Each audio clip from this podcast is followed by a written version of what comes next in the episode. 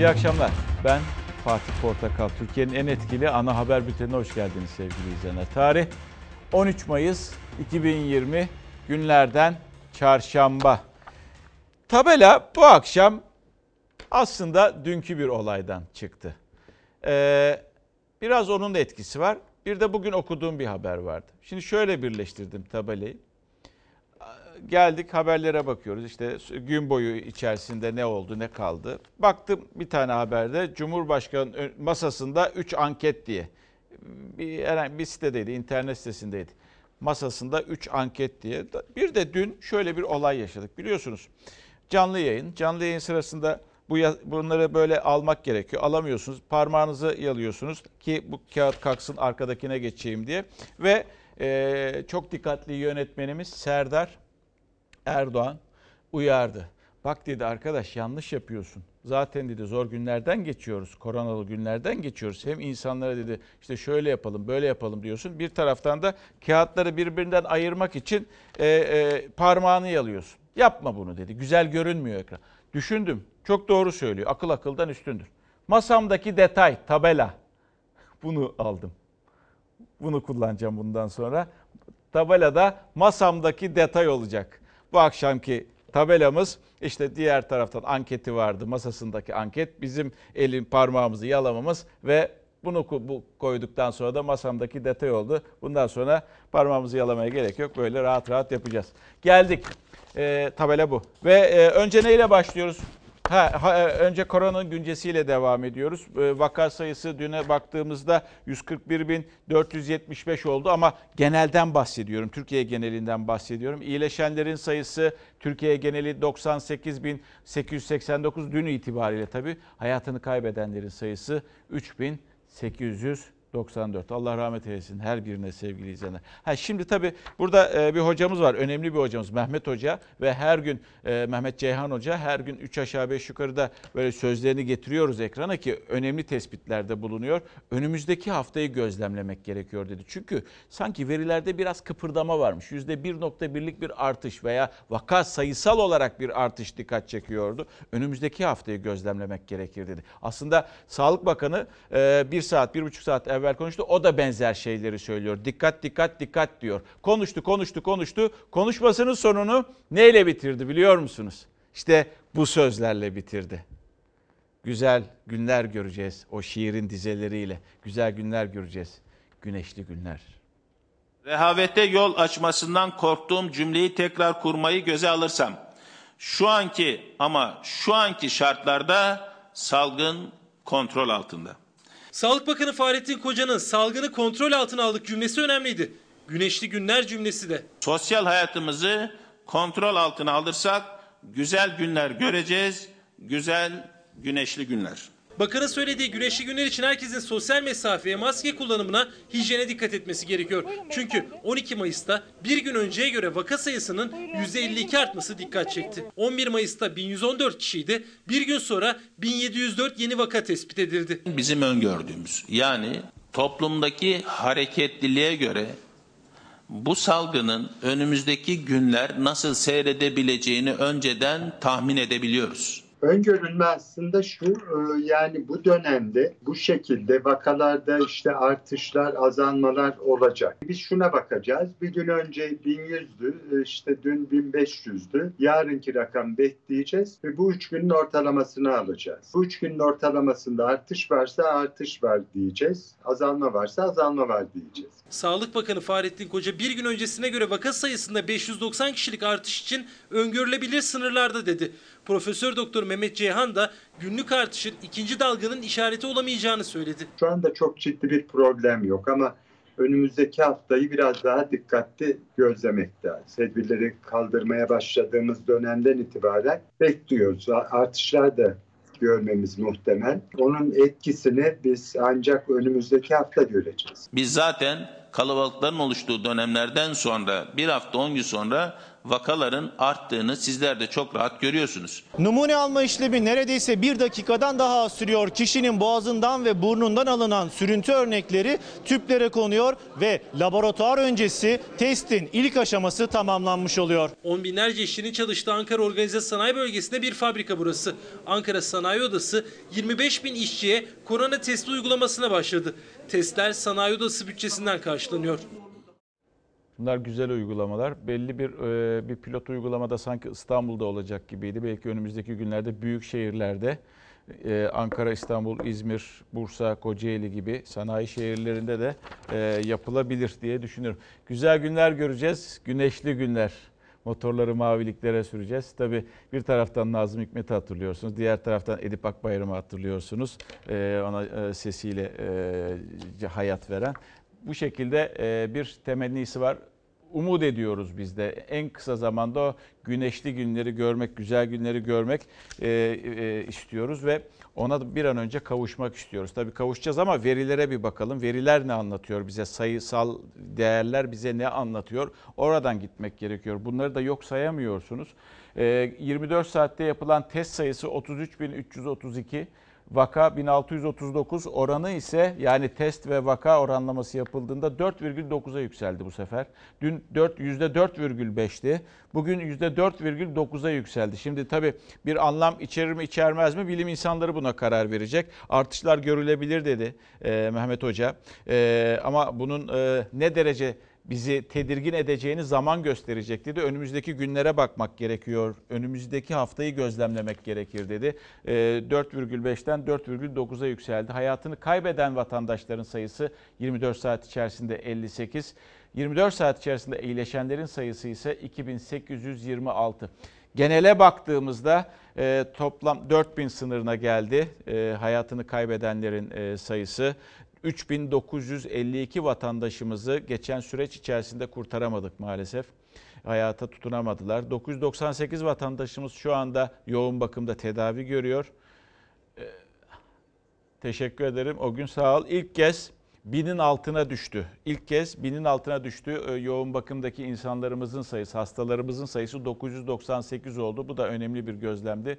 İyileşen e, hasta sayımızda 100 binin üzerine çıktı. 101.715 oldu. Tabii bunu bilim insanları değerlendirecek. Şimdi 3 gün önceye gittiğimizde 3 küs, e, küsürdü. Daha sonra 4 3,4'tü. Dün 4,5'tu artış. Vakada günlük vakada artış. Bugün 4,9 oldu.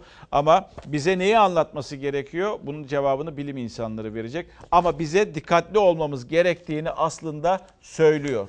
Şimdiden onu da söylüyor. Çünkü biz e, bilim insanı değiliz. Biz onların söylediklerine uymak zorunda olan yurttaşlarız. Ha, uymayanlar kendi bilir ama uymak zorundayız sevgili izleyenler. Çünkü sağlığımız açısından bugün e, o çocuklar da e, e, uyuyorlardı uzunca bir süredir. Kaç gündür? 40 gündür.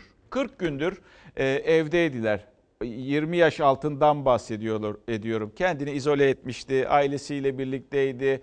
Evden dışarı çıkmıyordu. Dışarıya bakarken pencereden bakıyordu veya balkondan bakıyordu Ee, ve dışarı çıkmak istiyordu, imreniyordu. Bugün bugün bugün 0 ile 14 yaş arası çocuklar adı üstünde zaten çok şendiler. Evdeydim, sıkıldım. Dışarı çıkınca da çok mutlu oldum. Çocuğunuza maske takın. Maskesiz çıkarmayın. Neden takıyoruz biliyor musun? Korona. Her şeyin farkındalar. Tehlikenin de. 40 gündür koronavirüs salgın nedeniyle evlerindeydi çocuklar. Birkaç saatliğine de olsa 14 yaşın altındakiler sonunda dışarı adım attı. Haftalar sonra ilk kez sokaklarda çocukların sesleri yankılandı. Kitap okudum. Kuşumla vakit geçirdim. En çok onunla vakit geçirdim yani. Sıkıldım sonra gittim televizyon açıyorum. Televizyonda bir şey yok. Bugün de biraz hava alalım dedi. İşte bana da iyi geldi. 0-14 yaş grubu arasındaki çocuklar 4 Nisan'dan bu yana evdelerdi. 4 saatliğine de sokağa çıkma izni verildi. Onlar da arkadaşlarıyla vakit geçirip evde sıkıldıkları zamanı atlatabilmek için sokakta oyun oynuyorlar. Hiç bu kadar fazla çocuk bir arada olmamıştı. Üstelik çoğunun mecburen yanında anne ya da babası da vardı. Aileler de çocuklara dışarıda oyun iznini fırsat bilip kuralları birkaç saatliğine unuttu. Parklar, bahçeler çocuklarla doldu taştı. Yalnızca ara sokaklarda değildi çocuklar. Top oynadılar, ip atladılar. Ve bu durumu fırsata çeviren aileler de vardı. Onlar da çocuklarıyla beraber geldikleri alanlarda güzel havanın tadını çıkarttılar. En zoru onları anlatmaktı. Sokaktaki koronavirüsün ne kadar tehlikeli olduğunu. Onlar sokağa çıktılar ve arkadaşlarıyla ilk kez buluştukları için heyecanla kapıldılar. Sosyal mesafe kuralına uymak da biraz zorlaştı aslında. Toplar elden ele dolaştı. Neyse ki çoğu çocukta en azından maske vardı. Salgından önce hafta içi sakin olan İstanbul sahilleri ise hafta sonundan bile yoğundu. Sahillerde yürüyüş yapmak, oturmak, dinlenmek 7 gün 24 saat yasaktı aslında. Ama çocuklara verilen 4 saatlik izinle beraber anne ve babalar çocuklarını aldılar ve sahillere geldiler. Salgından öncesinden bile daha kalabalık görüntüler ortaya çıktı. Sosyal mesafenin korunması kolay değildi. Parklarda hijyen 4 saat boyunca nasıl korundu o da belli değil. Ancak yine de belli ki çocuklar büyüklerinden daha da fazla önemsedi tedbirleri. Nelere dikkat etmen gerektiğini biliyor musun? Sarılmamaya, yere düşmemeye. Sevgili çocuklar, sosyal mesafemizi koruyalım. Uyarıyorlar zaten sürekli. O yüzden uzak durmaya çalışıyoruz. O da çıkmaya korkuyor virüsten dolayı. Ben çıkamam diyor. Çıkarsam virüs beni yakalar. Zehra, Zeynep ve Osman. Onlar koronadan korktukları için evden çıkmak istemiyor. Ne yapalım virüs vardı. Ayrı çıkmadım. Dışarı çıkamadığım için pencereye yemek zorundaydım. Çıkmak istemiyor musun sen? İstiyorum ama önce virüs düşsün sonra Verilen 4 saatlik izinde ailesiyle ekmek parası derdine düşen çocuklar da vardı. Trafikte mendil satanlarda 65 yaş üstünden sonra sokaklar çocuklarında bugün. Cuma günü ise 14-20 yaş arasına izin verilecek. 5 saat, 6 saat olabilirdi. Azıcık daha fazla çocuklar hevesini alabilirdi. Ama 4 saat bence çok az. Hani azıcık burada enerjimizi giderebiliriz. Haftaya yine yapacaklar. Haftaya yine çıkacaklar çarşamba günü Ee, ve yine hava alacaklar. Cuma günü ama e, iki gün sonra 14 ile e, 15 ile 20 yaş arası dışarı çıkacak Da- daha gençler artık Ee, ve çocuklar ve gençler e, hava alacaklar. Biraz olsun rahatlayacaklar. Ee, bir iki mesaj daha doğrusu bir tane mesaj okuyayım ondan sonra devam edeyim. Fatma Hanım'dan gelmiş. Bir ricası var. Sağlık Bakanlığı'ndan hükümeti istiyor tabii ki. E, masamdaki detay diye de eklemiş. E, sahadaki sağlıkçının ricası var. Dile getirir misiniz der. Bir defaya mahsus olmak üzere sınavsız ünvan değişikliği istiyoruz. Sahadayız, ders çalışamıyoruz. Sesimiz olur musunuz demiş. Sahadaki sağlıkçıların ricası bu. Olabilir mi? Bilemiyorum ama e, en azından dile getirilebilir. Ve geldik şimdi dün bir soru sormuştum ben. Ne kadar uyuyoruz? Kurallara ne kadar uyuyoruz? Veya işte e, nedir o kurallar? E, maske, maskeyi ne derece sıhhatli takıyoruz veya takıyor muyuz? Hijyen koşullarına e, uyuyor muyuz, riayet ediyor muyuz? Eskiden kapıyı şöyle falan açardık ve serçe yaparım. Şimdi küt diye açanlar var mı yok mu? Yani soruyorum bu soruları. Siz kendi kafanızda bunun cevabını verebilirsiniz. Bir de sosyal mesafe deniyor ama fiziksel mesafe demek benim daha çok e, aslında hoşuma gidiyor. O fiziksel mesafeyle aranız nasıl? Şimdi ekrana gelecek görüntülerde orada bir hüküm var. Unutuldu. Yani evvelden dikkat ediliyordu aman e, öcü diye bakılıyordu karşı tarafa. Şimdi ise biraz belki de hafiflediğinden dolayı sosyal mesafe pek kalmadı gibi. Sosyal mesafeyi koruyarak hızlı bir şekilde tamamlayın. Maskeniz var ama sosyal mesafeniz yok. Tamam ayarlıyorum hemen sizi dinleyelim. Ama Teşekkür çok yakındınız. Haklısınız. Bazen o ayarı kaçırabiliyoruz. Maske de yok, sosyal mesafe de yok. Ne yaptınız öyle? Ee, maskeyi araçta unuttuk da biz. Yani o yüzden ya bir de zaten e, sahil burası. Normalleşmedi mi hayat? Havalar ısınıp tedbirler kademeli olarak gevşetilince sosyal mesafe de aşılmaya başlandı. Oysa Sağlık Bakanı'nın da uyardığı gibi maske virüsün bulaşmaması için yeterli değil. En önemlisi yakın durmamak. Mesafe konusunda biraz evet konuyu biraz açmış olabiliriz ama dediğimiz gibi kendimize güvendiğimiz için ondan dolayı biraz rahat davrandık. Yakın mesafedeki iki kişiden ikisi de maske takmış olsa Virüs maskeye rağmen birinden diğerine bulaşabilir. Maske, sosyal mesafe olmadan koronavirüs riskinden sizi uzak tutmaya yetmeyebilir. Ya ben yine uzak durmaya çalışıyorum ama arkam önümden yani sonuçta olabildiği kadar uzak dursak da gördüğünüz gibi pazar kalabalık. Maske olsa da sosyal mesafe yoksa virüs bulaşabiliyor. Son olarak Sağlık Bakanı Fahrettin Koca da bu uyarıyı yaptı. Ancak o sosyal mesafe ne yazık ki dışarıda yok. Meydanlar, parklar, özellikle de semt pazarları tıklım tıklım. Koruyamıyoruz. Maskeler ne kadar olsa da ağzımızda maalesef. Ama kimse bu uyarılara aldırış etmiyor. Ne kadar bakanımız bizim için ilgilense de. Siz de pazardasınız ama. Ben de pazar mecburiyetten annem rahatsız. Virüse bağışık olmayan kişi takar ve karşısında bir buçuk metreden yakın maske kullanmayan bir virüs bulaştırıcı bulunursa bu sadece yüzde otuz koruyor. Tek kişideki maske ancak %30 koruyabiliyor. İki kişi birden maske takarsa bu oran %95'e çıkıyor. Ama hala risk devam ediyor. Tehlikeyi tamamen ortadan kaldırmanın yoluysa 1,5 metrelik sosyal mesafeden geçiyor. Herkes maske takar ve sosyal mesafeye yani bir buçuk metre mesafeye dikkat ederse o zaman yüzde yüz korunur. Maske koruyor mu yeterince? Ya idare ediyoruz işte koruduğu kadar yani. Sosyal mesafe var mı pazarda? Yok kaçıyorum işte. Yeterince korunabiliyor musunuz? Korunmaya çalışıyoruz. Sosyal mesafeyi koruyabiliyor musunuz? Koruyamıyoruz. Her ne kadar zabıta denetlese de pazar girişlerindeki sırada da sosyal mesafe dikkate alınmıyor. Sokağa çıkma yasağı olmayan günlerde semt pazarlarındaki kalabalık salgın öncesinden de yoğun. Mecbur çıkacağız. Dört gün yasak var demiştim. Ne yiyeceğiz? Öyle ne yiyeceğiz Ramazan'da? Gö- izliyorsunuz artık e, fiziksel mesafede e, pek fazla dikkat edilmiyor. Önümüzdeki günlerde belki el sıkışmaya bile başlayacağız artık. O bile e, ilk zamanlarda yadırganı yok böyle yapalım. Kimileri ayaklarını vuruyorlardı, dirsek vuruyorlardı, böyle yapıyorlardı. Artık şu andaki durumumuz omuz omuza e, yakınlaşma içerisindeyiz. Yani tabii omuz omuza mesafe değil. Onu e, ona uymamak gerekiyor. Mesafeyi açmak gerekiyor. Ha, omuz omuza demişken e, işte futbolda da çok konuşulur ya omuz omuza destek veriyoruz takımımıza diye.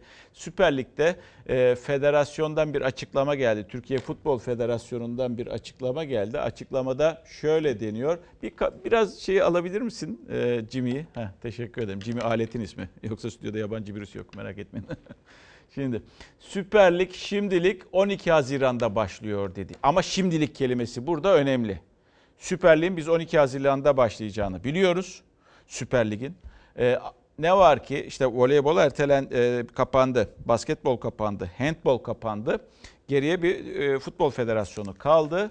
E, yapılan az önce yapıldı bu açıklama. Şimdilik 12 Haziran'da başlıyor dendi. Yani gözden geçirebilir. Sayın Federasyon yetkilileri akıl vermek haddime değil ama en azından insan sağlığını veya e, sizin camianızla ilgili olumsuzluklar yaşanmaması adına lütfen biraz daha bence beklemenizde fayda var. Çünkü Allah korusun olumsuz bir durum olduğunda bu sefer sizler eleştirileceksiniz.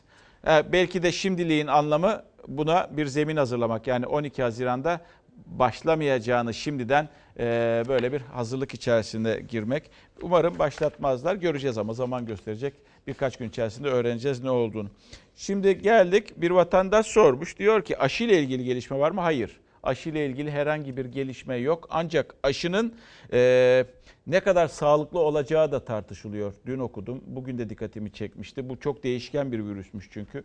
Dilimin döndüğünce ifade etmeye çalışıyorum basit bir şekilde. O yüzden de aşı e, için e, soru işaretleri olabiliyor ama e, bilim insanları da çalışıyor her yerde. Türkiye'de de çalışanlar var diye biliyorum. Ve geldik biliyorsunuz e, AVM'ler açıldı. Tabii AVM'lerin açılmasının e, bir e, ticari boyutu da var. Yani neticede işte bir AVM sektörünün içerisindeyiz. O sektör e, bir buçuk iki aydır kapalı durumda. Bir şekilde onun da etkendir, etken olduğunu düşünüyorum. Yani ticari hayatın içerisine bir an önce girsinler diye düşünüyorum. Tabii bu iktidarla AVM'lerin açılması 11 Mayıs'ta iktidarla muhalefet arasında AVM'lerin tartışmasına neden oldu. Muhalefet tarafı diyor ki yani AVM'leri açtınız o zaman meclisi de açın. Meclis çalışsın. Meclis başkanı konuştu ee, ve meclis başkanı olaya şöyle baktı. Acil iş yok ki dedi. Türkiye Büyük Millet Meclisi'ni açalım. Hayırlı olsun AVM'leri açtılar. Emeis niye kapalı? Şu dönem acil bir şey de yok. Eğer gündemde önemli ve acil bir durum varsa hemen çağrıyla toplanabilecek durumda. Yanlış bir yaklaşım. Covid'le mücadelede hayatını kaybeden sağlık çalışanlarımızın şehit sayılması, bunun bir an önce mecliste yasalaşması sağlık çalışanlarını motive edecektir. Sicil affı gelsin, motorlu taşıtlar vergisi bu yıl kalksın, kamuya ait iş yerlerinden bir 6 ay kira alınmasın, çiftçi borçları var. Nerede konuşacağız bunu? Muhalefet alışveriş merkezlerinin açılması için acele edildiğini söylerken risk azaldıysa meclis niye kapalı sorusunu gündeme getirdi. Meclis Başkanı'nın Habertürk yazarı Muharrem Sarıkaya yaptığı değerlendirmeye CHP öfkeli. Park, bahçe gibi açık alanlar açılmazken, Türkiye Büyük Millet Meclisi kapalıyken alışveriş merkezleri neden açılıyor? Hiç AVM ile TBMM mukayese edilir mi? Komik buldum bu söylemi. Bütün dünyada meclisi kapalı olan sadece Türkiye. TBMM kapanmış değil ki. Milletvekili arkadaşlarımız salgının en yüksek olduğu dönemde bile çok yoğun bir çalışma içine girdi. Sonrasında da çalışmalarına ara verdi. Meclis yasa yapar ama ikinci ve en temel görevi yürütmeyi denetlemektir. E denetleyemiyoruz. Türkiye Büyük Millet Meclisi Başkanı Mustafa Şentop alışveriş merkezleriyle Türkiye Büyük Millet Meclisi kıyaslanmaz derken acil görüşülmesi gereken bir konu yok diyerek meclisin kapalı olmasını savundu.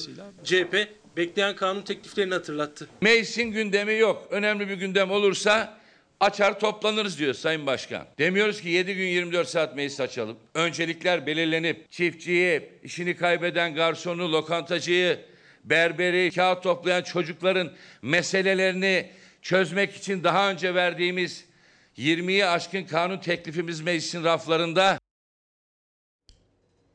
Ve AVM'ler bugün ne oldu? Pazartesi günü açıldı. Tabii berber ve kuaförler de açıldı. AVM'ler de açık. Şimdi e, bir araştırma, kısa bir araştırma yani pazartesi günü için yapılan bir araştırmaydı. AVM'lere işte normal zamanda kaç müşteri giriyordu? Normal zamanda günlük ciroları ne kadardı? Türkiye'deki toplam AVM e, hacminden bahsediyoruz. Gerek müşteri hacminden gerek o müşteri sonrasındaki kazanç hacminden bahsediyoruz. Ve işte bunun araştırmasını yaptılar pazartesi günü itibariyle. Sizce ne kadar girmiştir AVM'lere pazartesi günü ve istenilen kazanç acaba gerçekleşmiş midir? %20 giriş sayısıyla başladık. Öngördüğümüz bir orandı. Değdi mi? Açıkçası hayatın normalleşmesi için değdi ve beklediğimiz bir oran e, gerçekleşti. Cirolarda ise tam tersine bir yükseliş söz konusu. En çok alışveriş merkezleri memnun. Normalleşmenin ilk adımı alışveriş merkezlerinin açılması oldu. Erken mi açıldı tartışması devam ederken ilk iki günün cirosu beklenenin de üstüne çıktı. Normal şartlarda 100 liralık ciro yapan dükkanlar ilk açıldığı gün 40 lira yani %40'lara ulaştılar. Bu da aslında memnun edici bir cirodur. İlk günden salgından önceki cironun neredeyse yarısına ulaştı mağazalar. Oysa ziyaretçi sayısı 5'te biri kadardı. Alışveriş merkezlerini ilk gün 1 milyon 200 bin, ikinci günse 1 milyon 100 bin kişi ziyaret etti. Pandemi öncesinde günlük 6 milyon 500 bin ziyaretçi kabul ederken şu anda pandemi sonrası ilk açılışta 1 milyon 200 bin civarında e, ziyaretçi kabul ettik. Alışveriş merkezleri eski hareketli günlerinden uzak ama alışveriş yapmak isteyenlerle hatta alışveriş merkezini gezmek isteyenlerle doluyor. Alışveriş Merkezi ve Yatırımcıları Derneği'ne göre açıldıktan sonraki bu ciro artışının nedeni nokta atışı alışveriş. Yani tüketiciler alışveriş merkezine geldi, ihtiyacı olan ürünü aldı ve böylece ziyaretçi sayısına göre ciro da katlanmış oldu. Tüketici artık nokta atışına AVM'ye gelmeye başladı. Yani tüketici alışkanlıkları pandemi sırasında değişti. Eskisi gibi alışveriş merkezine gelip bir kahve içip saatlerce dolaşmayacak müşterilerimiz. Gelip alışverişini yapıp çıkacak. Bebek malzemesi, bez ve bebeğimize zıbın. Böyle bir ihtiyacım olmasa gelmezdim. Birkaç hafta sonra doğacak kısmetse mecbur aldık. Günler geçtikçe alışveriş merkezlerinin daha da dolması ancak ihtiyaç dışında da gelenlerin artması bekleniyor. Henüz üçüncü günden bile sadece gezmeye gelenler vardı. Biz şurada kapıdan girdik, bu kapıdan çıkıyor. Değişiklik olsun, yürüyüş olsun. Bir de buraya turlayalım açılmış mı diye merakta. Açıldığından beri bir alışveriş yaptınız mı alışveriş merkezi? Yok. Tamamen alışveriş içindeyiz. Şöyle bir merakımızdan dönüp gideceğiz. Merakımızdan. Hiç AVM görmedik ya. Merakımızdan girelim çıkalım ne varmış burada filan gibi. dedim. Şimdi tabii ya insanların da canı sıkılıyor tabii biraz e, böyle e, hayatlarına renk katmak istiyorlar ama yani dikkat etmekte her zaman fayda var. Evde olalım dedi. Kim dedi? Evde olalımı bugün e, Sağlık Bakanı söyledi. Fahrettin Koca. O cümleyi kur işte bir iki saat önceki konuşmasında evde olalım dedi. Benim aklıma şu soru geldi. Ya bir taraftan evde olalım diyorsunuz. Diğer taraftan AVM'leri açıyorsunuz. E, Bir taraftan evde olalım diyorsunuz. Diğer taraftan tabii berber ve kuaför esnafı da çok zorlanmıştı. E, Onu e, aç- açılıyor. Onlar çalışmaya başlıyor. Açılmasın demiyorum ama tezatlık var cümlede. Bugün bir mesaj geldi bunun içerisinde. Gösterebilirim isteyen olursa. Bir AVM içerisindeki bir e, berberden bahsediyor vatandaş. Hiçbir hijyen kuralına uygulanmadığı, hiçbir hi- hijyen kuralını uygulamadığını iddia ediyor vatandaş. 60 maili de var burada. Kontrol ediyor musunuz devlet yetkilileri veya belediye yetkilileri artık kimler kontrol ediyorsa, İl Sağlık e, Müdürlüğü'ne bağlı ekipler, zabıtalar, kimler yapıyorsa, İçişleri Bakanlığı'na bağlı ekipler. Kontrol ediyor musunuz bu mekanları? Geziyor musunuz? O kuralların uygulanıp uygulanmadığını e, sizler e, yerinde inceliyor musunuz? Ben tahmin etmiyorum. Ben tahmin etmiyorum. E, böyle e, bıraktık sanki gidiyoruz gibi. Vatandaş da kendi önlemini eğer almaz ise maalesef durum o kadar da hoş olmayabilir. Çünkü öyle söyledi Sayın Bakan. Dikkat etmek gerekiyor dedi. Şu an salgın kontrol altında. Alışveriş kuyruğuna girmek riskli. Maske kullanın diye de böyle böyle böyle böyle uyardı. Geldik. Bir ekonomiden devam edeceğiz. Önce devletin ekonomisi, ardından tabii ki bir de vatandaşın ekonomisi var. Ee, devletin ekonomisinde Hazine Bakanı konuştu. Berat Albayrak maddi yardım, maddi yardım 240 milyara ulaştı dedi. Şu korona sürecinde e, 240 milyara ulaştığını söyledi. Ama bir de korkutan bir e, sayı var veya e, rakam var, rakam var. 2019 Mart 2019 Mart 2020 Mart ve cari açık 40 kat artmış. Ekonomik istikrar kalkın paketin adımlarımızın toplam bugüne kadarki maddi tutarı 240 milyar Türk lirasına ulaştı. Bu miktar milli gelirin %5'i civarında. Koronavirüs sürecinde işçi işvereni esnafı desteklemek için atılan adımların toplam miktarı 200 milyar liraydı geçtiğimiz hafta. Hazine ve Maliye Bakanı Berat Albayrak 240 milyar liraya ulaştı dedi. Verdiği rakamlara muhalefet tepkili. Bazı ülkelerin yaptığı gibi ekonomik büyüklüğünü, bunun çarpan etkisini hesapladığımızda bu rakam aslında çarpan etkisiyle 525 milyar lirayı buluyor. Bu da milli gelirin yaklaşık %11'ine denk geliyor. Yapmayın ya. Siz bu rakamlarla insanları kandıramazsınız. İster maddi tutar, ister ekonomik büyüklük ve etkisini dikkate aldığımızda her iki oranda da Türkiye salgın kapsamında destek bölü milli gelir oranında dünyadaki çok çok iyi konumda olan ülkelerden bir tanesi. Halk Bankası'ndan alınan kredileri erteledik. Halk Bankası'ndan kaç esnaf kredi kullandı? 1 milyon 700 bin esnafımız var. 200 bini Halk Bankası'ndan kredi kullandı. Diğerleri Hazine ve Maliye Bakanı'nın işçi işveren esnaf için ekonomik olarak en büyük tedbiri alan ülkelerden biriyiz açıklamasını yaptığı dakikalarda CHP lideri Kılıçdaroğlu da esnaflarla video konferans yöntemiyle görüştü. Şikayetleri dinledi. Tarım olmayınca esnaf olmaz. Esnaf olmayınca iş olmaz. Esnaf sanatkar olarak bizim derdimiz aş, ekmek, geçinmek. Adam iş yerini açıyor ama akşama kadar bekliyor, müşteri yok. Vatandaşımızın, esnafımızın ve iş dünyamızın yanında olmaya Türkiye Cumhuriyeti Devleti olarak devam edeceğiz. 2019 Mart'ında 120 milyon lira ol- dolar olan cari açık 2020 Mart ayında 40 kat artmış. Bu bir ekonomi için alarmdır. Hazine Bakanı'nın iyimser bir tablo çizdiği günde Mart ayı cari açık rakamı açıklandı. 2019 Mart ayında 120 milyon dolar olan cari açık bir yıl sonra 2020 Mart ayında 4,9 milyar dolara çıktı. Şu anlama geliyor. Biz e, bu parayı bir yerden bulmak zorundayız. Bu harcamaların e, bir biçimde döviz bulunarak finanse edilmesi gerekiyor. Eskiden dışarıdan sermaye gelirdi. Türkiye'ye artık dışarıdan sermaye girişi şöyle dursun. Tek adam rejiminin yarattığı güvensizlikten dolayı sermaye çıkışı var, kaçış var. Merkez Bankası rezervlerimizde epey bir azalmanın olduğunu biliyoruz e, son zamanlarda. O zaman ne yapmamız lazım? Yurt dışından bunu finanse edecek e, yollar bulmamız lazım. Yani bir kaynak girişini sağlamamız lazım. Bu da yurt dışından borçlanmakla mümkün olur. Ekonomist Yalçın Karatepe cari açık kapatmanın yolu borçlanma dedi ama muhalefete göre Türkiye'nin borçlanması da artık zor. Bakıyor Elinoğlu. Burada demokrasi tıkır tıkır çalışıyor mu diye bakıyor.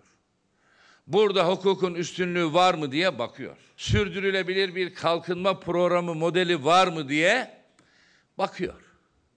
Sana ona göre borç veriyor. Şimdi e, Sayın Bakan demiş ya 240 milyara ulaştı maddi yardım. Ben hükümetin yerinde olsam kalem kalem açıklarım. Çünkü tartışmaya açık bir konu. 240 240 da diyebilirsiniz, 300 de diyebilirsiniz, 500 de diyebilirsiniz. Biz devletin hesabını tutmuyoruz ki. E, Hazine bizim elimizde değil ki. Şeffaflık öyle bir şey yok. Ya ama burada 240 milyarı kalem kalem açıklayabilirler ki o o zaman da millet "Ha, tamam doğru yapılmış veya muhalefette susar. Şimdi mesela e, bir başka kesim var. Onlar yine mağdur durumdalar. Onlardan bugün mail geldi. Beyoğlu Eğlence Yerleri Derneği, Beyder var. İstanbul'da biliyorsun İstiklal Caddesi'nde. İşte o da onlar da Beyoğlu Eğlence Yerleri Derneği'nin e, üyeleri. Sadece esnaf olarak kendilerini anlatmıyorlar. Yanlarında çalışan insanları da anlatıyorlar. Sayın e, Hazine Bakanlığı yetkililerinin de dinlemesini istiyorum. Demek ki 240 milyar yardım yaptığınıza göre bu kesime de yardımda bulunabilirsiniz. Bir şeyler yapabilirsiniz. Bakın nasıl durumları. Aa, dernek başkanı Aydın Ali Kalaycı anlatıyor. Yaşadığımız bu süreçte esnaflar olarak mağdur durumdayız. Esnaf borç batağında. Devletten herhangi bir destek yok. Kiralarımız, borçlarımız birikti. Esnaf bankalardan bile kredi çekemiyor. Sicil sicili bozuk diye bankalardan para çekemiyor. Bu şartlarda Beyoğlu esnafı normalleşme sürecinde dükkanlarını açması mümkün görünmüyor. En azından bu süreçte esnafa sicil affı gelmesi, kredi verilmesi, aksi takdirde yeni işsizlik ordusu ülkemizi bekliyor demiş. Eğer kredi verilmezse, sicil affı olmazsa vesaire gibi yeni işsizlik ordusunun artacağını. Çünkü her bir mekanda e, insanlar çalışıyor ki o insanlar da şu anda para kazanamıyorlar. İşte garsonlardan, şef garsonlardan, aşçılardan onlardan bahsediyorum. Esnafın bu sadece Beyoğlu'ndaki düşünün artık Türkiye'deki diğer yerleri. Ve ne yapıyorduk şimdi? Ha, şimdi vatandaşın bakın devletin ekonomisi güzel. Ee, Sayın Bakan'ı dinlediğinizde güzel bir yoldayız. Sıkıntı yok. Önümüzdeki günler e, güneşli günlermiş gibi. Sa- Sağlık Bakanı öyle söyledi ya. e, Maliye Bakanı öyle demedi ama e, güzel günlerin ve güneşli günlerin olacağını söylüyor, e, söylemeye çalışıyordu Hazine Bakanı. Bir de vatandaşın ekonomisine bakacağız. Kolay değil vatandaşın ekonomisi. Çünkü vatandaş çekiyor ve çektiğini biliyor. Ne çektiğini de gayet iyi biliyor. İşte onlardan biri Yasemin Özer. Yasemin Hanım işkur önündeydi o da. O da bir şekilde iş arayanlardan, e, para kazanmak isteyenlerden. Diyor ki hanımefendi üniversite mezunu iş bulamıyor bu ortamda. Ben nasıl iş bulacağım? Çocuğum işsiz iki kişi yaşıyorum. Ben eşimden boşandım. Yok evim kira. Temizliğe gidiyordum. Gidemiyorum. Kimse almıyor. 61 yaşında ev temizliği yaparak günlük yevmiyeyle hem evini geçindiriyor hem de işsiz oğluna bakıyordu Yasemin Özer. Ama koronavirüs sürecinde temizliğe gidemiyor artık. Evine para getiremiyor. Almıyor kimse evine. E, koronadan dolayı gidemiyorsun yani. 530 lira kiram. 130 da aidatım. Bir de yakıtım. O da duruyor 175. Çocuklarım da işsiz. Çok zor çok. Hayat çok zorlaştı. Anne yok baba yok. Kira faturalar katlandıkça hayat ağırlaşıyor. İşe ihtiyacı var Yasemin Özer'in ama iş yok. Yok. Yok yani yok. İlkokul mezunu. Düşün üniversite mezunları iş bulamıyor ki. Bizler nereden bulalım? Ama geçinmek zorundayız. Şu an cebimde 5 lira para var. Akşam eve 4 kişiyiz. Ekmek gidecek. Ekmeğin yanına da işte ben Sivaslıyım. Madımak deriz. O çöp topluyoruz dağdan taştan. Ne giderken onlardan toplayacağım. Kredilerde patladı işte. 2 aydır ödeyemiyorum. Marangoz ustası Salman Çakmak 4 aydır işsiz. Ben faturayı hiç düşünmüyorum. Ben krediyi falan düşünmüyorum. Ne olacak? Çoluğumun çocuğumun karnı doysun yeter. Hiç işim gücüm yok. Dört tane çocuğum var. Gelirim de yok. Eşim kronik hastası. Üç, üç aydır işsiz. Plastik topluyordum ona da çıkamıyor. On binlerce esnaf kepenk indirdi. Yüz binlerce çalışan ya işinden oldu ya da gelirinden. İşsizler ordusuna yeniler eklendi. E, Hastanelerde iş arıyorum ama şu süreçte aranmasına rağmen dönüş olmuyor. 3 aydır kiramı ödeyemiyorum. Alın terimizle ekmeğimizi kazanalım diye uğraşırken bakın bak kaç yaşına gelmişim. Hala didiniyorum. Bir tane gözümün bebeği yavrumu kurtarayım diye onu da kurtarayım diye. Anne oğul ikimiz de evin içinde kafayı yemiş durumdayız. Şeker hastasıyım. Ağır iş yapamıyorum. Bugün şeker ilacım bitmiş. E, almaya gittim. 100 lira yakın bir ücret çıkardılar bana sigortam yok diye. Alamadım. Kirasını faturasını ödeyemeyen, ilacını dahi alamayan, işkur kapısından yine boş dönenler. Yeni gün, yeni umut. Her şey alt üst oldu yani şu anda. Sıkıntı bitecek gibi değil yani. Her zaman diyoruz bunu siyasetçiler de söylüyor. Bırakın siyasetçilerin söylemesini bizler de konuşuyoruz. Önümüzdeki günlerde konuşacağımız konuların başında iş, aş, iş, aş ilk konuşacağımız konular olacak. Şimdi bu zor günlerde belediyeler de kendince bir şey yapmak istiyor. Özellikle bu zor günlerde biliyorsunuz ilk başta e, Cumhurbaşkanı ile Millet İttifakı'nın belediyeleri arasında sıkıntılar yaşandı. Daha doğrusu onların bağış e, toplamasını istemedi hükümet. Yaparsak biz yaparız. Tek elden olması gerekiyor dedi. Durdurdu. Ve onlar da işte çaresizlik insana çare ürettiriyor, çare bulduruyor. Ve bunlar içerisinde e, o çareyi bulanların en başında da Mansur Yavaş geliyor. Farklı öncülük yapıyor kendisi, öncülük yaptı kendisi. Farklı farklı e, bağış kampanyaları yaptı, çözümler üretti. İşte onlardan birisi veresiye defteriydi. Yine e, akla gelebilecek bir sürü e, ilklere imza attı. Diğerleri de zaten ya kendileri bir şeyler buldular ya da onlar da e, devam ettirdiler ve isimlerinden ve yaptıklarında isimlerinden değil yaptı, yaptıklarıyla kendilerinden söz ettirdiler. Çünkü amaç herkese ulaşabilmek, mağduriyete giderebilmek. Mansur Yavaş yine bir şeyler yaptı ama iyi bir şeylerden bahsediyoruz. Yeni kampanyasını açıkladı.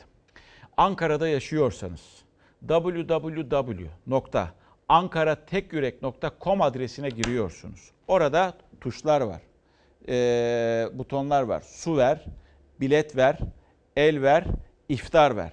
Bunlardan birine tıklıyorsunuz, birine veya birkaçına tıklıyorsunuz ve ihtiyaç sahibi olan insanlara yardımcı oluyorsunuz. Ama dediğim gibi bunu yaparken kimse kimseyi tanımıyor, kimse kimseyi bilmiyor. Siz kime yardım ettiğinizi bilmiyorsunuz. Sadece ihtiyaç sahibi birisini mutlu ettiğinizi biliyorsunuz. Her akşam televizyonlarda izliyoruz. Salgın nedeniyle işlerini kaybedenleri, işçi bulma kurumu önünde küçük bir ümitle bekleşenleri, ceplerinde dolmuş parası olmayanları. Bu sözlerle yeni kampanyasını duyurdu Ankara Büyükşehir Belediye Başkanı Mansur Yavaş. Kampanyanın sloganı su ver, bilet ver, el ver. Yani isteyen hayırsever ihtiyaç sahibinin su faturasını ödeyebiliyor, Ankara kartına ulaşım ücreti yükleyebiliyor ya da bir ihtiyaç sahibine direkt nakit yardımında bulunabiliyor. Daha önce Hızır oldunuz, veresiye defterlerini kapattınız. Aşınızı paylaşıp iftar sofralarının bereketi oldunuz. Şimdi sıra geldi suyumuzu, otobüs biletlerimizi ve yine hayırlarımızı paylaşmaya. Veresiye defteri kapatma kampanyası büyük ilgi gördü. Ramazan ayı ile birlikte iftar ver kampanyası başlattı Mansur Yavaş. Sadece 4 günde hedefe ulaşıldı. İşkur kapısına ihtiyaç sahiplerine ulaşabilmek için kayıt masası kurdu belediye. İşsizlerin dramı bayram öncesi Yavaş'a yeni kampanyası da ilham oldu. 6 milyon yürek hep birlikte bayram etmemiz gerektiğine inanıyoruz. Bu nedenle darda kalan insanlarımıza destek amacıyla yeni bir kampanya başlatıyoruz. AnkaraTekYürek.com adresi kuruldu yeni kampanya için. 3 farklı bağış yöntemi var. Su ver butonuyla isteyen bir ihtiyaç sahibinin su faturası borcunu ödüyor. Borcu ödenen kişiye SMS ise belediye borcunuz bir hayırsever tarafından ödendi bildirimi yapıyor. Bilet ver butonuyla da bir ihtiyaç sahibinin Ankara kartına ulaşım için para yükleyebiliyor hayırseverler. Bulaştırdığımız her iyilik yüz üstüne yüz güldürsün. Kurduğumuz gönül köprüleri sayesinde bereketi paylaşalım. Ankara'mızda bayrama buruk giren, bayram sevinci tatmayan hiçbir hane kalmasın. Elver butonu nakit yardım için. Belediyenin daha önce başlattığı nakit bağış kampanyası İçişleri Bakanlığı tarafından bloke edildi. Yeni kampanyada nakit yardım yapacak hayırsever parayı belediyenin hesabına değil, belediyenin belirlediği ihtiyaç sahibinin banka hesabına gönderiyor. İhtiyaç sahiplerinin isimleri ve IBAN numaraları sistemde kayıtlı. En az 100, en fazla 500 lira nakit yardım yapılabiliyor. Gelin hiçbir çocuk yatağa aç girmesin. Gelin bu bayram hepimizin bayramı olsun. Hiçbir anne baba eve hiçbir şey götüremediği için çocuklarına karşı mahcup olmasın. Mansur Yavaş'ın başlattığı yeni kampanyanın yer aldığı ankaratekyürek.com adresinde yapılan yardımların miktarı da takip edilebiliyor. Hayırsever sayısı da yapılan yardımların miktarı da her saniye katlanıyor. Şimdi bu iyilik kervanına bütün gücümüzle bir omuz daha koyalım. E, adres bu. Türkiye'nin her tarafından girebiliyorsunuz. Orada iftar ver tarafı doldu artık. Biliyorsunuz o ilk e, Ramazan'la birlikte başlamıştı. Saat 16 civarlarında başladı ve e, e, ne kadar diye merak ettik sayıları. E, sayılar e, sayıları aldım. Sayıları daha doğrusu Engin aldı, bana gönderdi. Bakın 3 saat içerisinde 8032 ödenen fatura adedi. Su ver. 8032 fatura adedi 269 bin civarında. 670 yükleme yapılan anakart adedi. O e, biletler var ya oraya bastığınızda da insanların biletlerini yüklüyorsunuz. E, 32.808 lira o da. 1367 e, kişiye de nakit yardım yapılmış.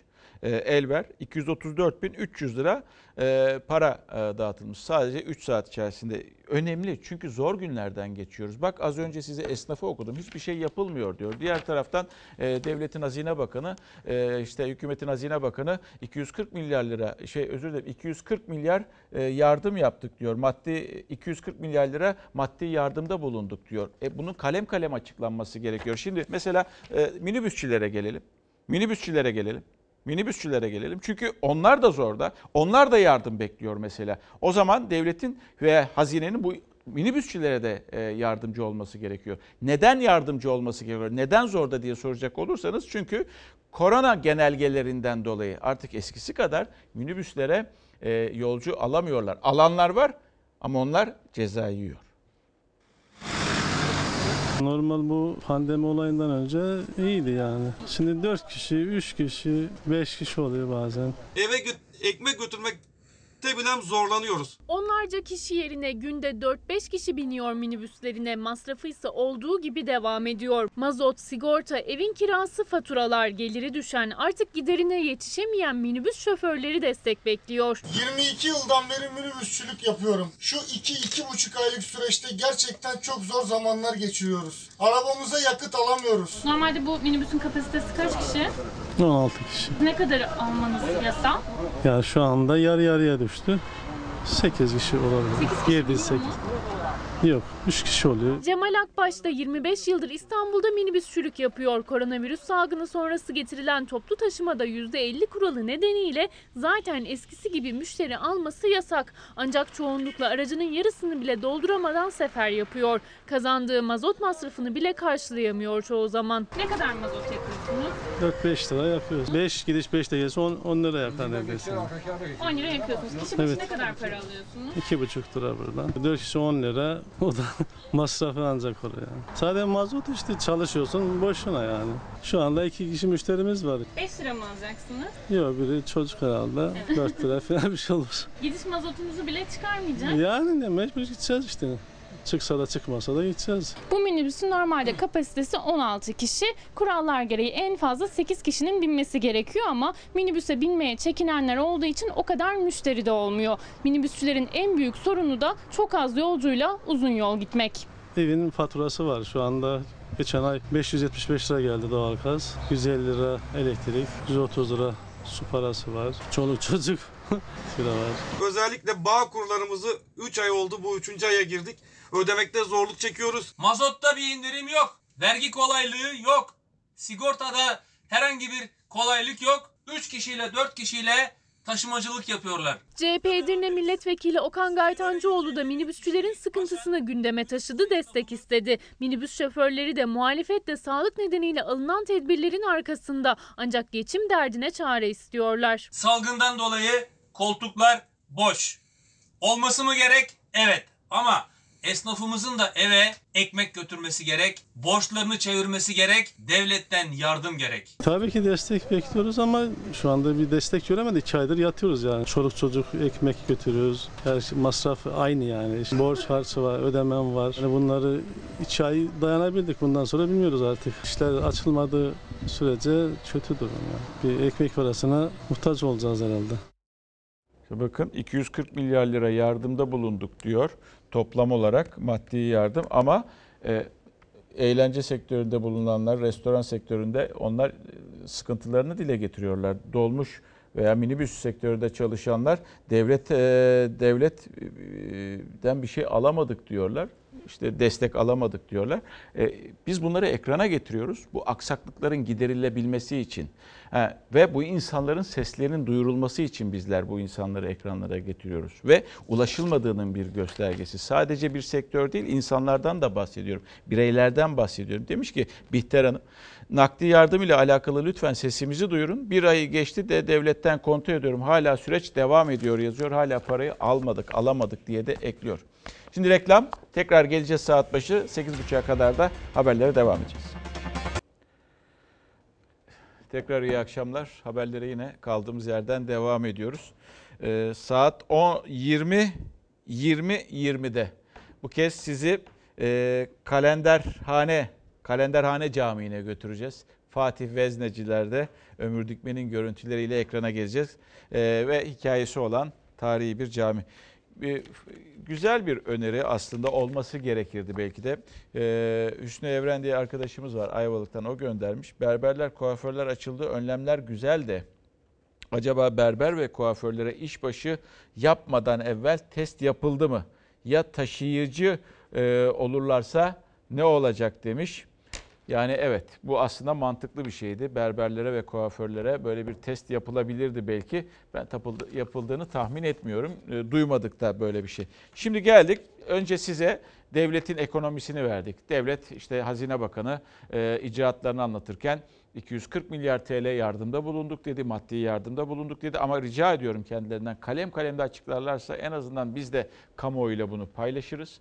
Ve tabii e, bir de vatandaşın ekonomisi var. Yani bunun içerisine herkes giriyor. Esnaf giriyor, işveren giriyor, işçi giriyor, çalışan giriyor, çalışmayan giriyor, hayvancı giriyor ve çiftçi giriyor. Mesela limon, limon üreten çiftçiler, limoncular onlar e, o ürünü satacaklar ki para kazanacaklar. İşte mesela Hazine Bakanlığı'nın bu insanlara da yardımcı olması gerekiyor. Devletin bu insanlara da yardımcı olması gerekiyor. Çünkü limon para etmiyor.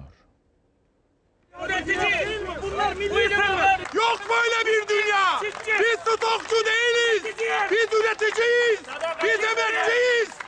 Bizim önümüzü açın yeter. Limon üreticisinin eli kolu ihracat kısıtlamasıyla bağlandı. Tarım Bakanlığı kısıtlamanın sebebini iç pazarda fiyat artışının önüne geçmek olarak açıklamıştı ama Türkiye'ye yetecek limondan çok daha fazlası üretildi. Üreticinin elinde tonlarca limon kaldı. Üretim merkezlerinden Mersin Erdemli'de limoncular eylem yaptı. Yol kapatıp çürümeye yüz tutan limonlarını döktüler.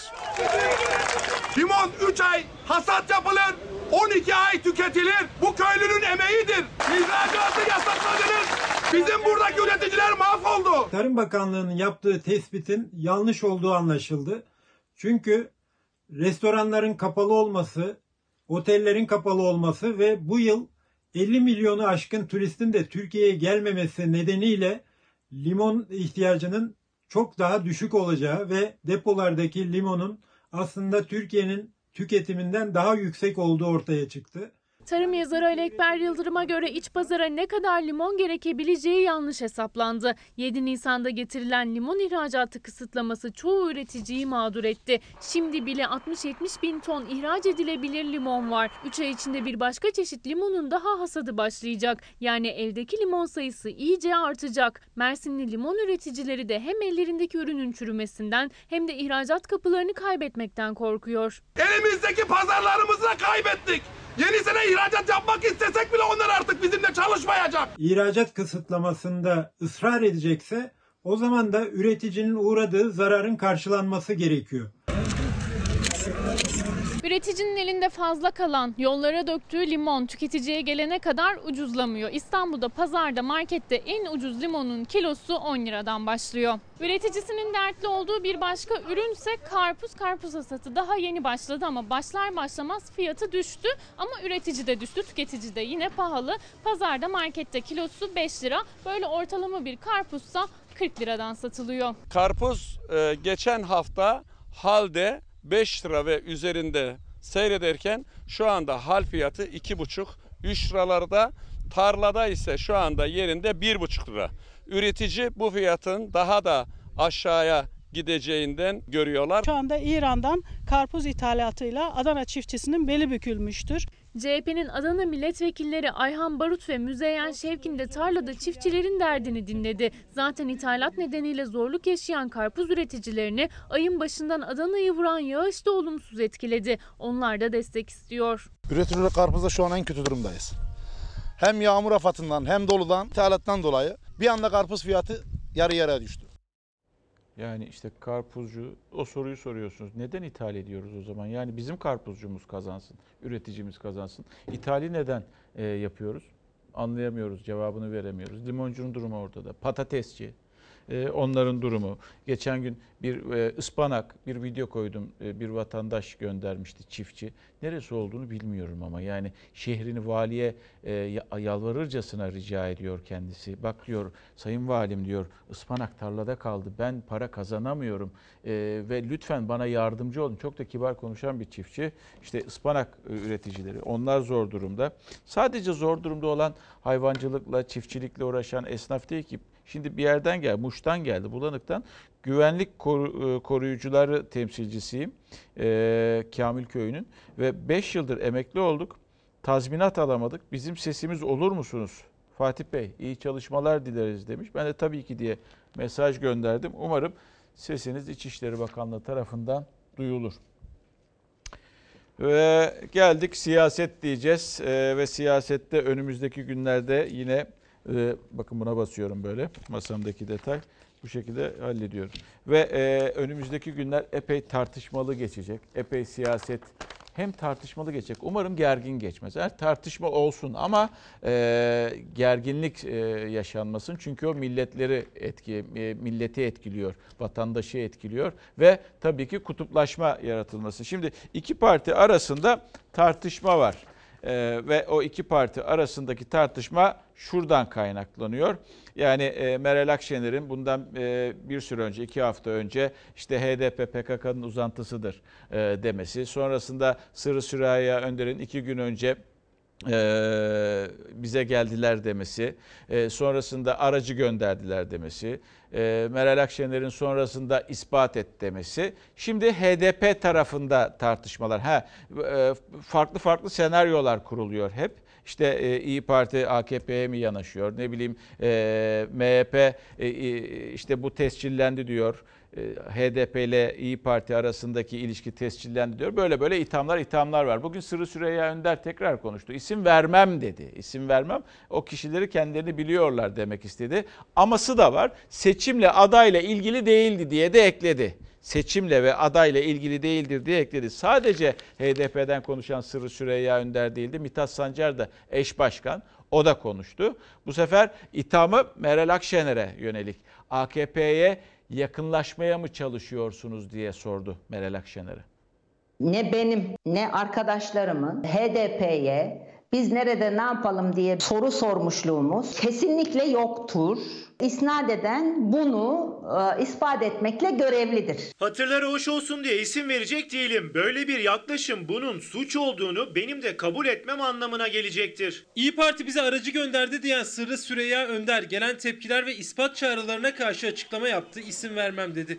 Cumhur İttifakı'nın seçim işbirliği itirafı çıkışına karşıysa hem Önder hem de HDP eş genel başkanı Mithat Sancar temas seçim ya da aday gündemli değil açıklaması yaptı. Bu görüşmelerin seçim ya da aday gündemli zamanla olmadığını söylemem bir borçtur. Yerel seçimlerde görüldü ki böyle açık bir ittifak var. Altını çiziyorum bizim İyi Parti ile seçim döneminde pazarlık, aday konuşması ve benzeri bir görüşmemiz yok. İyi Parti HDP'yi nereye konumlandırıyor? PKK terör örgütünün yanına konumlandırıyor. Meral Akşener'in HDP'yi PKK terör örgütünün yanında konumlandırıyorum sözünü gazeteci Ruşen Çakır Medyaskop TV'de Sırrı Süreyya Önder'e sordu. Dün bize aracı gönderen, şurada kiminle çalışalım, nasıl çalışalım, şunu nasıl yapalım diye fikrimizi merak eden bir siyasal parti bugün bize koordinat biçemez. İyi Parti'yi kastediyorum. Biz İyi Parti'yiz. HDP'ye adam göndermeyi, HDP ile irtibat kurmayı, böyle bir usulü meşru görseydik Cumhur İttifakı'nın içinde olurduk biz. Önder'in Akşener'e tepki verirken kurduğu cümle İyi Parti cephesini öfkelendirdi.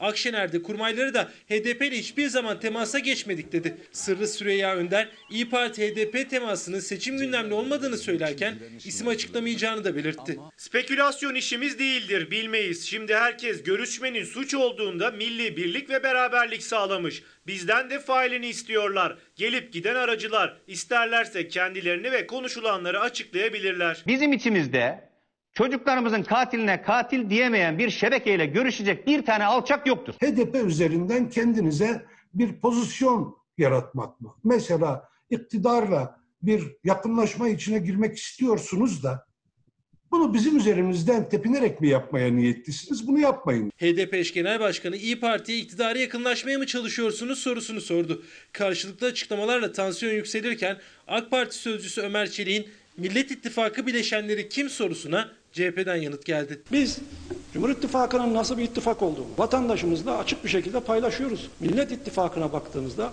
bir gizemlilik, 27. dönem milletvekili seçim oy pusulası. Bakın şurada Cumhur İttifakı sütunu var. Şurada da Millet İttifakı sütunu var. Cumhuriyet Halk Partisi, Saadet Parti ve İyi Parti. Bu ittifaklar daha çok değişir. Önümüzde seçimler bir belli olsun. Ne zaman olacağı, zamanında mı olacak, erken mi olacak, baskın mı olacak onu bir görelim. Ondan sonra seçim e, satına girildiğinde bu ittifaklar değişebilir. Cumhur İttifakı bozulur, Millet İttifakı bozulur, yeni ittifaklar oluşur. Yani sistem bunu gerektiriyor çünkü ve ilelebette bu şekilde ittifak kalacak diye bir kural da yok. E, kim kimle anlaşabiliyorsa e, Ha, Cu- Cumhurbaşkanı hani geçmişte sözü vardı ya kimler kimlerle beraber diye bu sözü unutmayın. Ya bu sözü bu cümleyi unutmayın. Önümüzdeki süreçte seçimler yaklaştığında veya karar alındığında e, eğer e, bozulma durumu veya baş- başka ittifaklar kurulma durumu olursa ki olabilir böyle ihtimaller de var. O zaman bu sözü hatırlatırım ben size. Kimler kimlerle beraberdi, kimler kimlerle beraberdi. Ama siyasetçi üstüne alınmaz bunu. O geçmişte kaldı, dün dünde kaldı, bugün bugündür. Ve yine çok konuşulan bir konu e, bu darbe meselesi, darbe meselesi. İşte darbe mi olacak, şöyle mi olacak, böyle mi olacak, nasıl olacak gibilerinden bir tartışma siyasi. Nereye varan bir tartışma artık bitmesi gerekiyor. Çünkü Ömer Çelik bu cümleyi kullandı. Türkiye'nin darbe gündemi yok dedi. Aslında kadük kaldı. Ha, bugün CHP tarafından bu söze bir cümle verildi devamı gelecekmiş gibi oluyor. Vermeyin artık cümlede yani. Ülke böyle boş konularla konuşmasın. Engin Altay da dedi ki Ömer Çelik 10 numara laf etmiş dedi ama cümlenin aması var. Türkiye'nin bir darbe gündemi yoktur. Ömer Çelik dün altına imza atacağım 10 numara bir laf etmiş. Ömer Çelik'e teşekkür ediyorum. Türkiye'nin darbe gündemi yoktur ama lütfen bunu Sayın Erdoğan'la ve yandaş köşe yazarlarınızla da paylaşırsanız Ömer Çelik'in kurduğu cümle CHP cephesinde böyle yankılandı. CHP Grup Başkan Vekili Engin Altay, Türkiye'de darbe gündemi yok diyen Ömer Çelik'e teşekkür etti ama diyerek. Ömer Çelik Türkiye'nin derdi darbe değil. Türkiye'nin gündemi bu işte bak. Kayseri'de ihtiyaç sahipleri için Ramazan gıda paketi almak için insanlar sıkış sıkış kuyrukta. Tartışmayı açanlar bunlar. Türkiye'de olmayan bir gündemi Türkiye'nin gündemi haline getirmeye çalışıyorlar. Türkiye'nin bir darbe gündemi yoktur. Kardeş, Genel Başkan'ın Recep Tayyip Erdoğan'a söyleyeceksin. Yandaş gazetecilerinize söyleyeceksin. Erdoğan'ı savunmak için çırpınan köşe yazarlarına söyleyeceksin. Meydanı sırf bize zarar vermek için ülkesine ve milletine zarar vermeyi göze alabilecek kadar müvazenesini kaybetmiş bu faşist zihniyete bırakmayacağız. Şu edepsizliğe bakın ya. Bir ilimizin valisi telekonferansla AK Parti'nin o ilin il başkanı ve diğer bütün ilçe başkanlarıyla toplantı yapıyor. Erdoğan, faşist zihniyet orada işte. Cumhurbaşkanının CHP'yi darbe çağrısı yapmakla suçlarken kullandığı faşist zihniyet sözü de gündemindeydi Engin Altay'ın. Sert konuştu. Bir gazeteci, bir yazar, bir siyasetçi hakkında yıllarca bunların iddianamesini hazırlamadan cezaevinde yatırıyorsan Erdoğan, işte faşist zihniyet orada var. Demokrasi ve hukuk içinde milletimizden aradıkları desteği bulamayanların darbeden dış müdahaleye kadar her türlü faşist yönteme sarılmaları beyhudedir. Sandıktan çıkmış bir cumhurbaşkanının ile ilgili olarak 100 bin kişi hakkında soruşturma başlatılmış ve 30 bin dava açılmışsa işte faşist zihniyet orada. CHP ile iktidar arasındaki darbe polemiğine Saadet Partisi lideri Temel Karamollaoğlu da katıldı. O da iktidarı gündemi değiştirmeye çalışmakla suçladı. İhtilal meselesi ortaya atıldı. Nereden atıldı? Kim attı bu oyunun içine gelmeyi? Sadece iktidar faydalanıyor bundan. Ee, bu arada basın konseyinin bir açıklaması var. Kurumları göreve çağırdı biliyorsunuz. Bu sürecin içerisinde kimileri çıktı izlemişsinizdir. Sosyal medyada da vardı. Onu öldürürüz, bunu öldürürüz. Listemizde şöyle var, böyle var. İşte e, kimileri daha da e, üst boyuta taşıdı.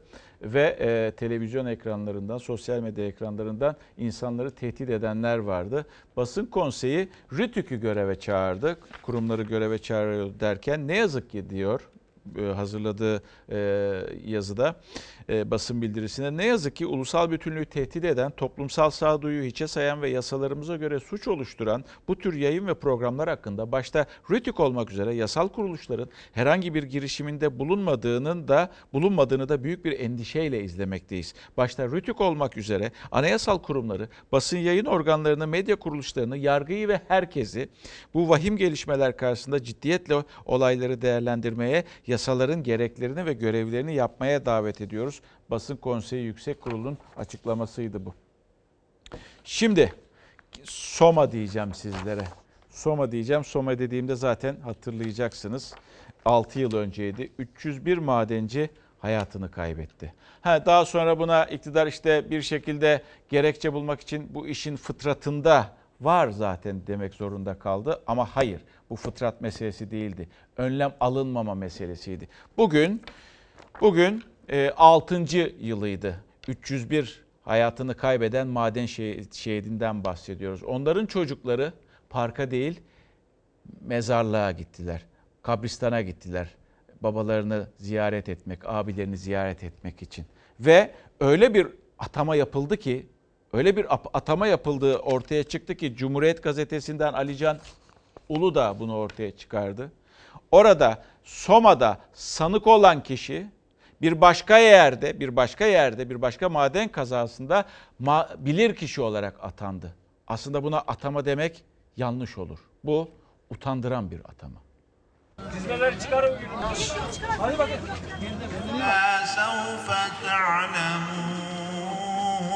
Babamın sevdiğim duygularımı göstermeye çalıştım ben burada. Soma'yı unutursak yüreğimiz kurusun deniyordu.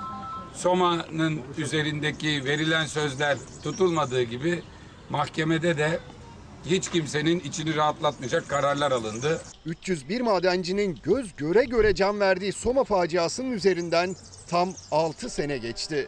Mahkeme aralarında maden sahibinin de bulunduğu sorumlulara 20 yıla kadar cezalar verdi. O cezalarda daha facianın 5. yılı dolmadan beraat ve tahliyelerle sonuçlandı. Acının yıl dönümünde Soma faciasında ceza alan bir mühendisin bir başka maden kazasında bilirkişi yapıldığı ortaya çıktı. Yollar, yollar, yollar. Yollar. Kaç, kaç, kaç. Yollar. 13 Mayıs 2014'te 301 maden işçisi Ocak'ta yaşamını yitirdi. Yüreklere hiç sönmeyecek ateşler düştü. Kimi babasını, kimi oğlunu, kimi eşini kaybetti. Boğazlarımız düğümleniyor. Mayıs ayının gelmesini istemediğimiz tek aydır. Allah kimseye evlat acısı vermesin. Babası Kamil Çal öldüğünde yeni doğmuştu 6 yaşındaki Ravza. Ablası 11 yaşındaki Sude ile birlikte sokağa çıkma izninde parka koşmak yerine maden şehitliğinde yatan babasının mezarını ziyaret etti. Annemle babamın evlilik yıl dönümünü kutlamaya çalıştım. Babanı özlüyor musun? Evet, özlüyorum. Faciada hayatını kaybedenlerin mezarlarına karanfiller konuldu. Dualar edildi.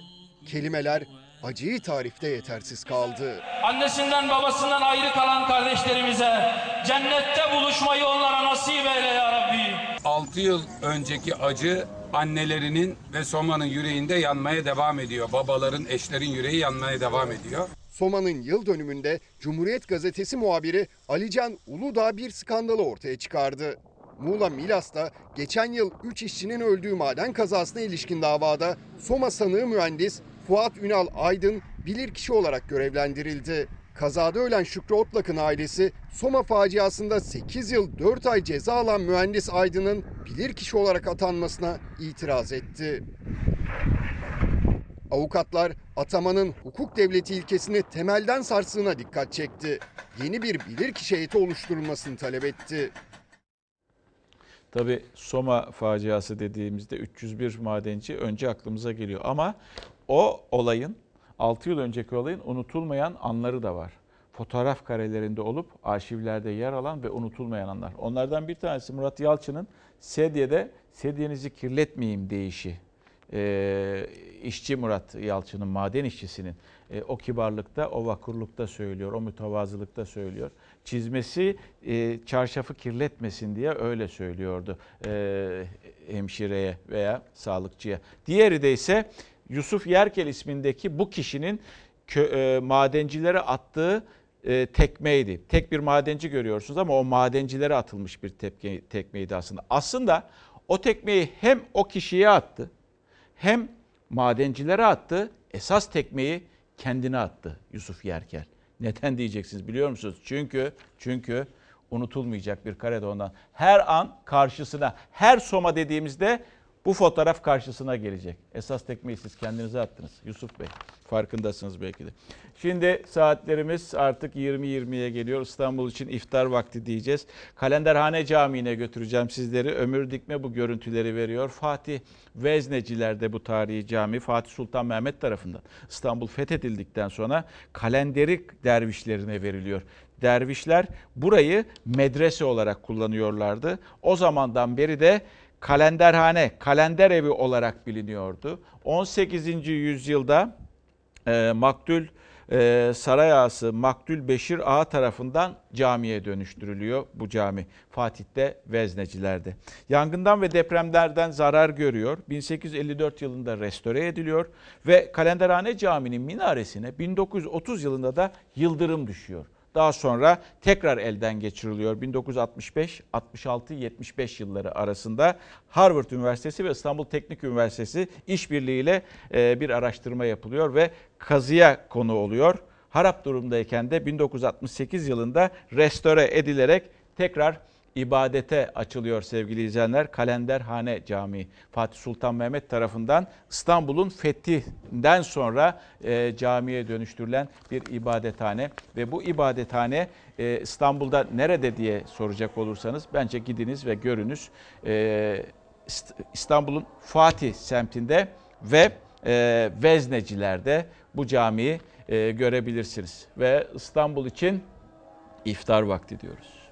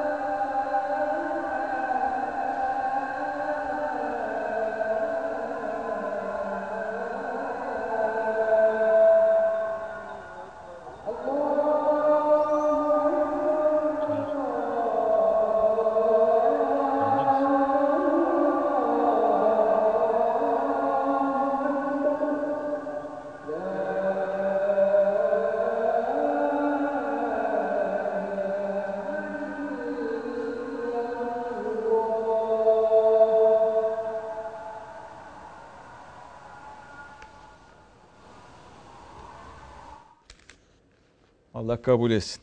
Şimdi bugünün bir e, sayılarını verelim tekrar. Sağlık Bakanlığı tarafından e, paylaşılmıştı bir saat önce kadar. E, 33.332 e, test var. 1639 vaka var. Gün içerisinde 24 saat içerisinde 58 vatandaş hayatını kaybetti. Yine 24 saat içerisinde 2826 vatandaşımız da iyileşti. Genele bakacak olursak ee, iyileşenlerden başlayalım. Çünkü 100 bini geçti. 101.715. Psikolojik bir sınırdı bu. Yani bir de bir, e, bir, bir de bizi de e, mutlu ediyor en azından iyileşenleri gördükçe. E, hayatını kaybedenler 3952 ve binin altına düştü ilk defa. E, yoğun bakımda olanlar o da 998 oldu. 500 5, 535 ise e, entübede yani solunum cihazına bağlı olan yurttaşların sayısı tedavilerine halen devam ediliyor. Şimdi bu sayıları verdik. Tabii bir de dünyaya bakalım. Dünya da bir şekilde bununla mücadele etmeye çalışıyor. Çünkü kolay değil. Herkesin başında bu bela var. Korona belası var. Az önce demiştik aşısı da tam olarak daha bulunmadı. Tam olarak değil aşısı üzerinde çalışılıyor. Ee, ne zaman ortaya çıkacağı, piyasaya sürüleceği de belli değil. Ama Avrupa'da bazı ülkeler e, artık yavaş yavaş sanki daha da normalleşmeye çalışıyorlar gibi. Almanya onlardan biri sınırlarını açıyor yavaş yavaş. Başka ülkelere sınırlarını açıyor. İngiltere ne yapıyor diyecek olursanız İngilizler aslında çok fazla umursamıyorlar. Almanya, Avrupa Birliği ülkelerine kara sınırlarını yeniden açma kararı aldı. Normalleşmenin başladığı İngiltere'de sokağa çıkanlar maske takma uyarısına aldırış etmedi. Dünyada Covid-19 kaynaklı ölümler 295 bine yaklaştı. Hastalığı yenenlerin sayısı 1 milyon 500 bini aştı. Almanya normalleşme için yeni adımlar attı. Salgın nedeniyle kapatılan sınır kapılarının kademeli olarak açılması kararlaştırıldı. Sınır kontrollerinin de gevşetilmesi gündeme geldi. Can kaybının 33 bini geçtiği İngiltere trajik bir olaya sahne oldu. Koronavirüs taşıyıcısı bir adam tren istasyonunda bilet kesen 47 yaşındaki bir kadın çalışanın üzerine tükürdü. Solunum yolları rahatsızlığı bulunan kadın 14 gün süren tedavisinden sonra hayatını kaybetti. 11 yaşındaki kızı ve eşi maske vermeyen iş yeriyle hükümeti suçladı. Polis olayla ilgili soruşturma başlattı. Amerika Birleşik Devletleri'nde can kaybı 83 bini aştı. Beyaz Saray'ın da kaynak olarak kullandığı Hate Data sitesinin açıklaması endişe yarattı. Site 4 Ağustos'a kadar 147 binden fazla kişinin ölebileceğini açıkladı. Beyaz Saray'daki virüs vakaları sonrası kendini karantinaya alan Doktor Fauci hızlı normalleşmenin ciddi sonuçları olacağına dikkat çekti. Kuzey Amerika'dan sonra Güney Amerika'da salgının merkez üssü oldu. Brezilya son 24 saatte 881 kişinin hayatını kaybetmesiyle en ölümcül günü yaşadı. Meksika ise Amerika Birleşik Devletleri sınırından gelenleri sterilize edebilmek için dezenfektan koridorları kurdu. Yurttan, dünyadan farklı görüntüler geliyor. Yurttan da farklı görüntüler geliyor. Mesela 84 yaşındaki bir amca gelecek şimdi ekrana. Diyeceksiniz ki dışarıda ne işin var amca diye. Hani e, ona diyeceksiniz yani bu soruyu soracaksınız. Neden burada dışarıdasın diye.